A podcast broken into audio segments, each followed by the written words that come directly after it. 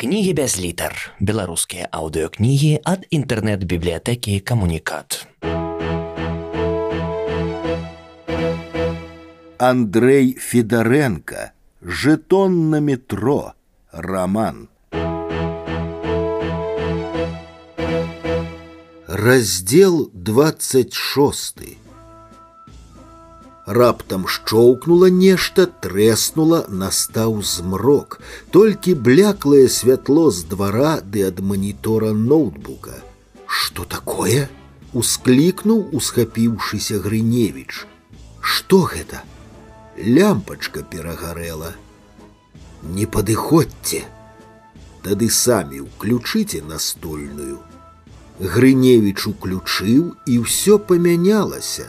Калі гарэла вялікае святло, ён блізарука прыгорблены за столікам перад ноутбукам здаваўся меншым, а рак у кутку крэсле большым. Цяпер, калі ўключылася настольная лямпа, Грыневіч як бы подрос, а рак наадварот скурчыўся і паменшаў.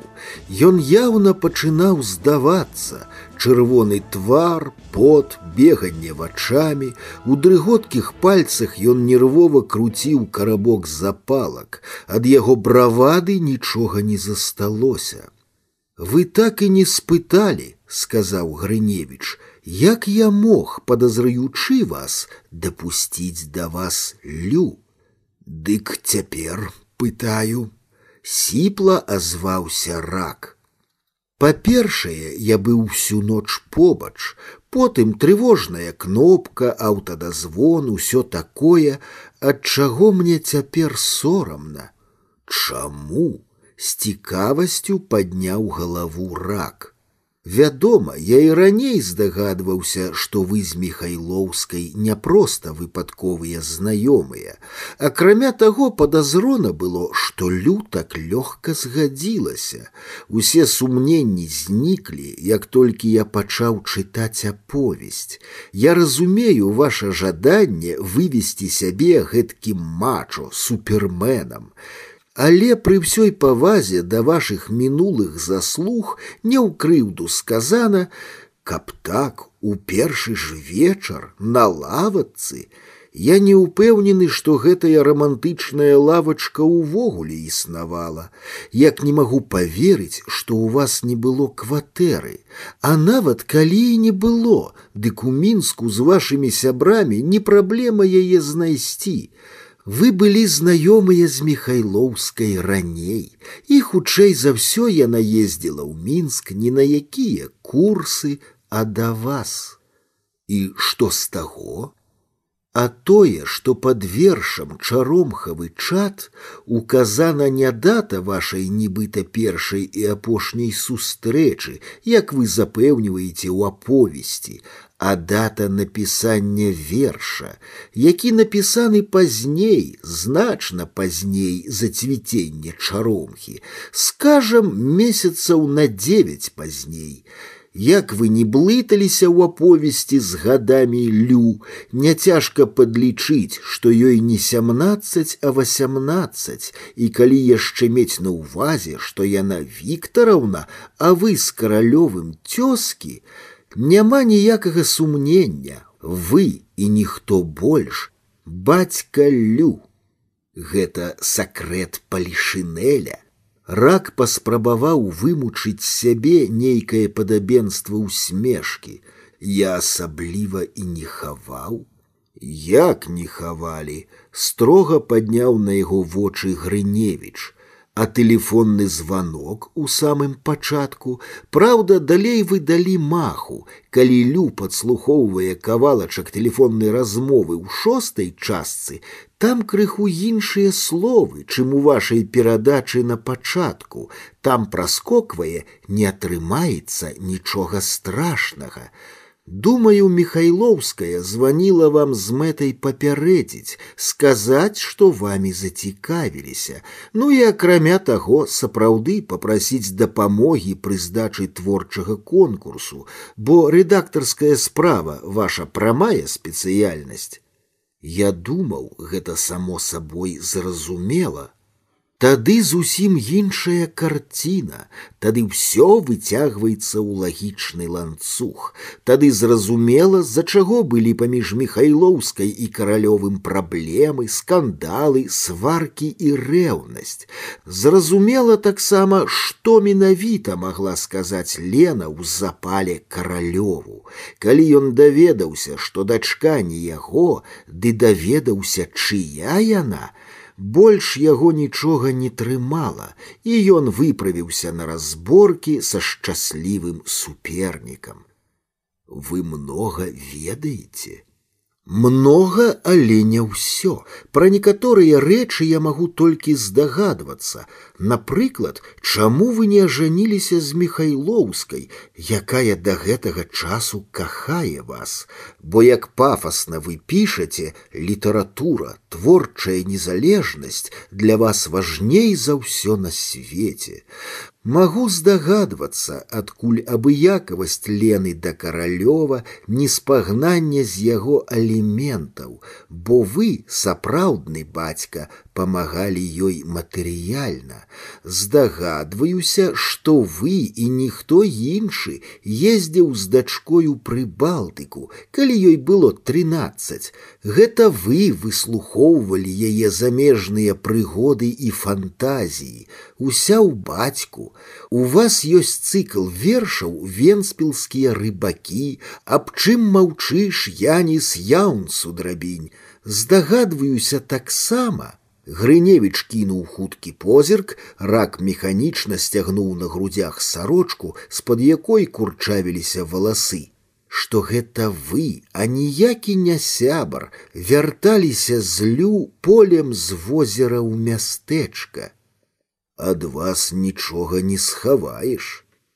Парадокс у тым, што і Михайлоўская, і Лю, і ўсе, хто прымаў у гэтым удзел, уключаючы асаўца, і цяпер у шчаслівым няведанні адносна вас. Яны шчыра вераць, што вы добры мах, чарадзей, які паможа адшукаць сапраўднага злачынцу. Я не жорсткі і прызнаюся, самая непрыемная моя місія – будзе аб'явіць ім, хто вы на самой справе. Рак падняў галаву. Ноткі, ці лепш сказаць рэшткі гонару прарэзаліся ў яго голасе. І ў чым тады ваша заслуга, калі я сам сабе выкапаў яму сваёй аповесцю, вы толькі вывудзілі ўсё гатовае, гэтак любы б змог. На што ж вы пісалі? Лагічна заўважыў Грыневіч. Не трэба было пісаць. Менавіта ухапіўся рак за саломіну. Калі чалавек вінаваты, хіба ён так будзе падстаўляцца, Ён зашпіліцца на ўсе гузікі, залезе ў ракавіну, і ніхто за кіламетр да яго не наблізіцца. Не абавязкова, злодзей часта гучней за ўсіх крычыць лаві злодзея. Калі ён разумны і хітры, ён наадварот пастараецца скарыстацца магчымасцю самому прыняць удзел у расследаванні, каб ведаць, на якой яно стадыі звядзе ўсё да балбатні, несур'ёзнасці, буфанады, каб заблытаць сляды. Толькі не я, я напісаў бы інакш, знайшоў бы іншую тэму, самаўпэўненасць вас і пагубіла. Вы не сумняваліся ў сваёй сіле, пісалі, будучы ўпэўненым, што ніхто не разблытае, што як бы супраць вас не гулялі, вы ўсё адно пераможаце. Рак ламаў у пальцах адну за адной запалкі. Што вы мне параіце? спытаў ён ціха тое, што і заўсёды раіцца ў такіх выпадках, прызнанне. Яно ў вас у прынцыпе ёсць, застаецца аформіць яго афіцыйна, і тады вам усе прэферэнцыі, супрацоўніцтва са следствам, даўнасць тэрміну, афект, той важнейшы факт, што без вас не раскрылася б, пра аповесць я згодны прамаўчаць. Тым больш, які вы забойца, так, няшчасны выпадак, неабходная абарона. Можа, я старамодны, але я нават у наш час веру, што злачынствы і талент несумяшчальныя. Я проста ўпэўнены, што вы рана ці позна самі прызналіся б і без мяне. А другі варыянт ваша упартасць і маўчанне Тады я вымушаны буду даць гэтай гісторыі самую шырокую агалоску. Вы не ўлічылі, што я не з дзяржаўных органаў, мне зусім не абавязкова трымаць дэталі следства ў тайне, а значыць, я магу выкласці ўсё ў адкрыты доступ, ды намякнуць, хто падазраваны, ды са сваімі каментарамі. А калі пойдзе грамадскі розгалас, калі вашай гісторыяй зацікавіцца сапраўднае афіцыйнае следства, калі на маім месцы апынецца і закасаўшы рукавы возьмецца за справу тупы выканаўца, вам не пазайздросціш, вы, канечне, наўрад ці ведаеце, што генетычная экспертыза чалавечых парэшткаў ніколі не дае стопрацэнтовай гарантыі, а гэта значыць, што пры жаданні практычна любое цело, знойдзенае под любым крыжам, можна павесіць на любога чалавека і даказаць нешта пасля такой аповесці будзе ой як нялёгка але нават калі дакажацца, вашее жыццё за гэты час ператворыцца ў пекла. Я ўжо маўчу пра рэпутацыю, кар'еру, добрае імя, усё будзе выпацкана, паламана, знішчана. Нашто вам гэта? Дзіўнае пытанне. Спытайце ў доктара Шнейдера, на што ён выразае ракавыя пухліны, бо я сумленны чалавек, офіцер, грамадзянин, бо гэта мой доўг, бо злачынца павінен сядзець у турме, а не атрымліваць асалоду ад жыцця, бо я абсалютна не згодзін з вашай тырадай пра несумленнага следчага і несправядлівы суд. Я лічу, што ўсё роўна наадварот. Следчыя у нас сумленныя, а суд незалежны і непадкупны. Што ж, я не чакаў, што вы справіцеся. Я вас недаацаніў, аддаю вам належнае, выгодны супернік. Рак падняўся.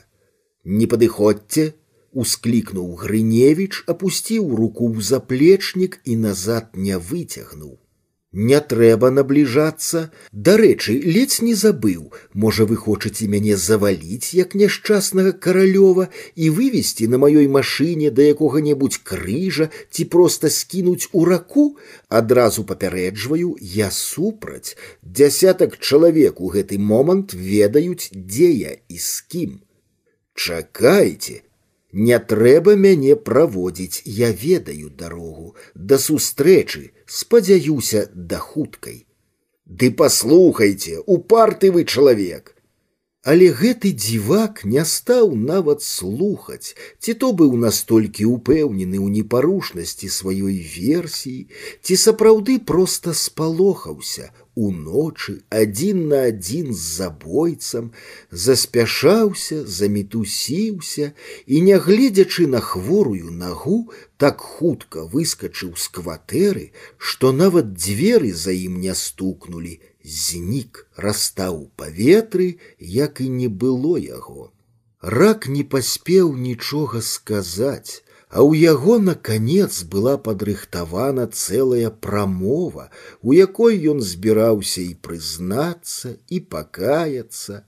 Калі паўгода назад яму патэлефанавала лю і папярэдзіла, што ім пачалі цікавіцца, ён уразіўся, як гэта супала з яго намерам паспрабаваць свае сілы ў прозе.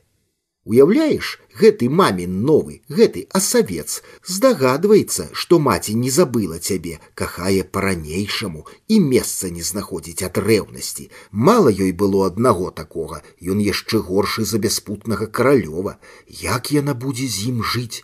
Ён яе даканае сваім занудствам, падазронасцю, упіканнямі, кшталту ашчаслівіў яе.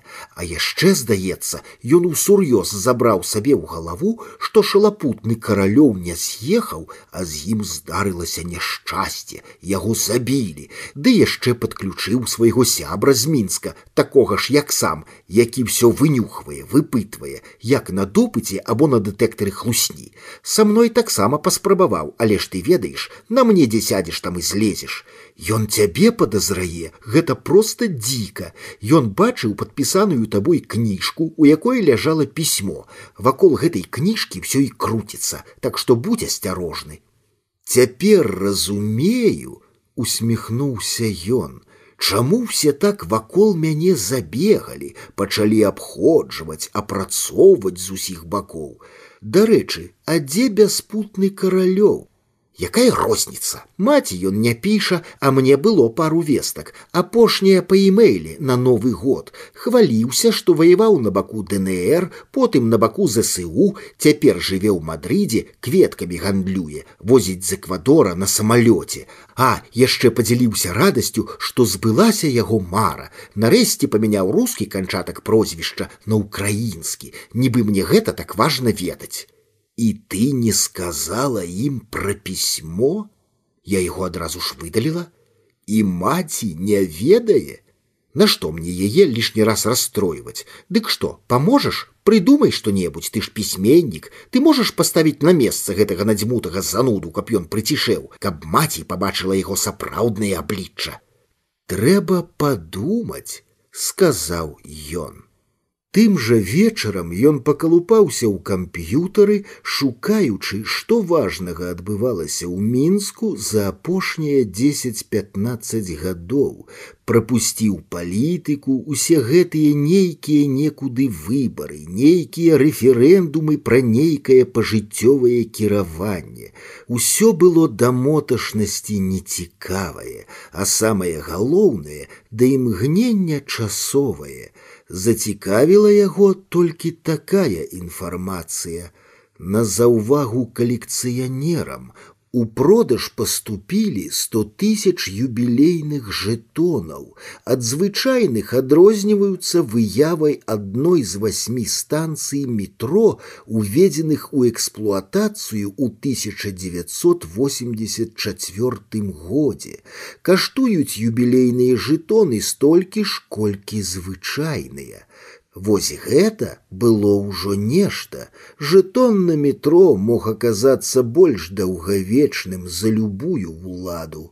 Ужо разумеючы, што знайшоў, што хацеў, адчуваючы прыемны сверб творчасці, у той жа вечар даў на куфры абвестку, а ў абед наступнага дня сустрэўся з сухенькім мінскім дзядком інтэлігентам, канечне ж з бародкай і ў акулярах, з змоўніцкі выгляд якога надаваў гэтай аперацыі куплі-продажу звычайнага жэтона амаль крымінальную таямнічасць. Прыманка была знойдзена. Ён пазваніў Лю і попрасіў прывесці яго падпісаную кнігу і пісьмо каралёва, пажадана з канвертам. Што ты прыдумаў? Адну гісторыю і яна паможа табе даказаць сваю невінаватасць? Наадварот, усміхнуўшыся, адказаў ён. Я не збіраюся нічога даказваць і ні ў чым апраўдвацца. Я сам працягну руки, каб іх звязалі. Як гэта? Часта на паляванні звер, ліса ці кабан, не кажучы пра зайца, уцякаючы ад сабакі, з усіх сіл ляціць уперад, каб адарвацца як мага далей. Затым рэзка разварочваецца і бяжыць па сваім следзе насустрач сабаку, пасля чаго робіць саскок. Зразумела, сабака ідзе па тым следзе, які мацней пахне. Пасля, канечне, вяртаецца і знаходзіць развілку, але час страчаны. Я паспрабую здвоіць след, сам пабягу насустрач. Глядзі, не пападзіся. Ён узяў з запасу чысты экземпляр зборніка чаромхавы чат, зрабіў такі самы, як і на старой кнізе надпіс, больш-менш почыркам каралёва, не надта пільнуючыся дакладнасці і аддаў лю. Атрымалася, што пісьмо было сапраўднае, а яго ўласная кніга з подпісам падробка. Цяпер пастаў кніжку з пісьмом на паліцу. І ўсё недаверліва спытала яна. Усё, калі гэты пінкертон сапраўды такі настырны і ўедлівы як ты расказваеш калі ён не ведае пра імейл калі ў ім ёсць сапраўдная творчая жылка ён заўважыць падабенства почыркаў супаставіць даты і пападзецца а калі не тады ён не варты каб яму давалі ўвагу Скажы, а на маці ніяк гэта не адаб'ецца такія махінацыі спытала яна. Ён насупіўся. Маці другім разам хай лепш выбірае сваіх мужчын. Нічога гэтага не было б, калі б ты жыў з намі, як можна жыць адной літаратурай, памяняць родных людзей на асадку, ноутбук і кавалак сшытай паперы кнігу. Ну-ну, яшчэ больш насупіўся ён. Мы не аднойчы на гэтую тэму гаварылі, яна не абмяркоўваецца.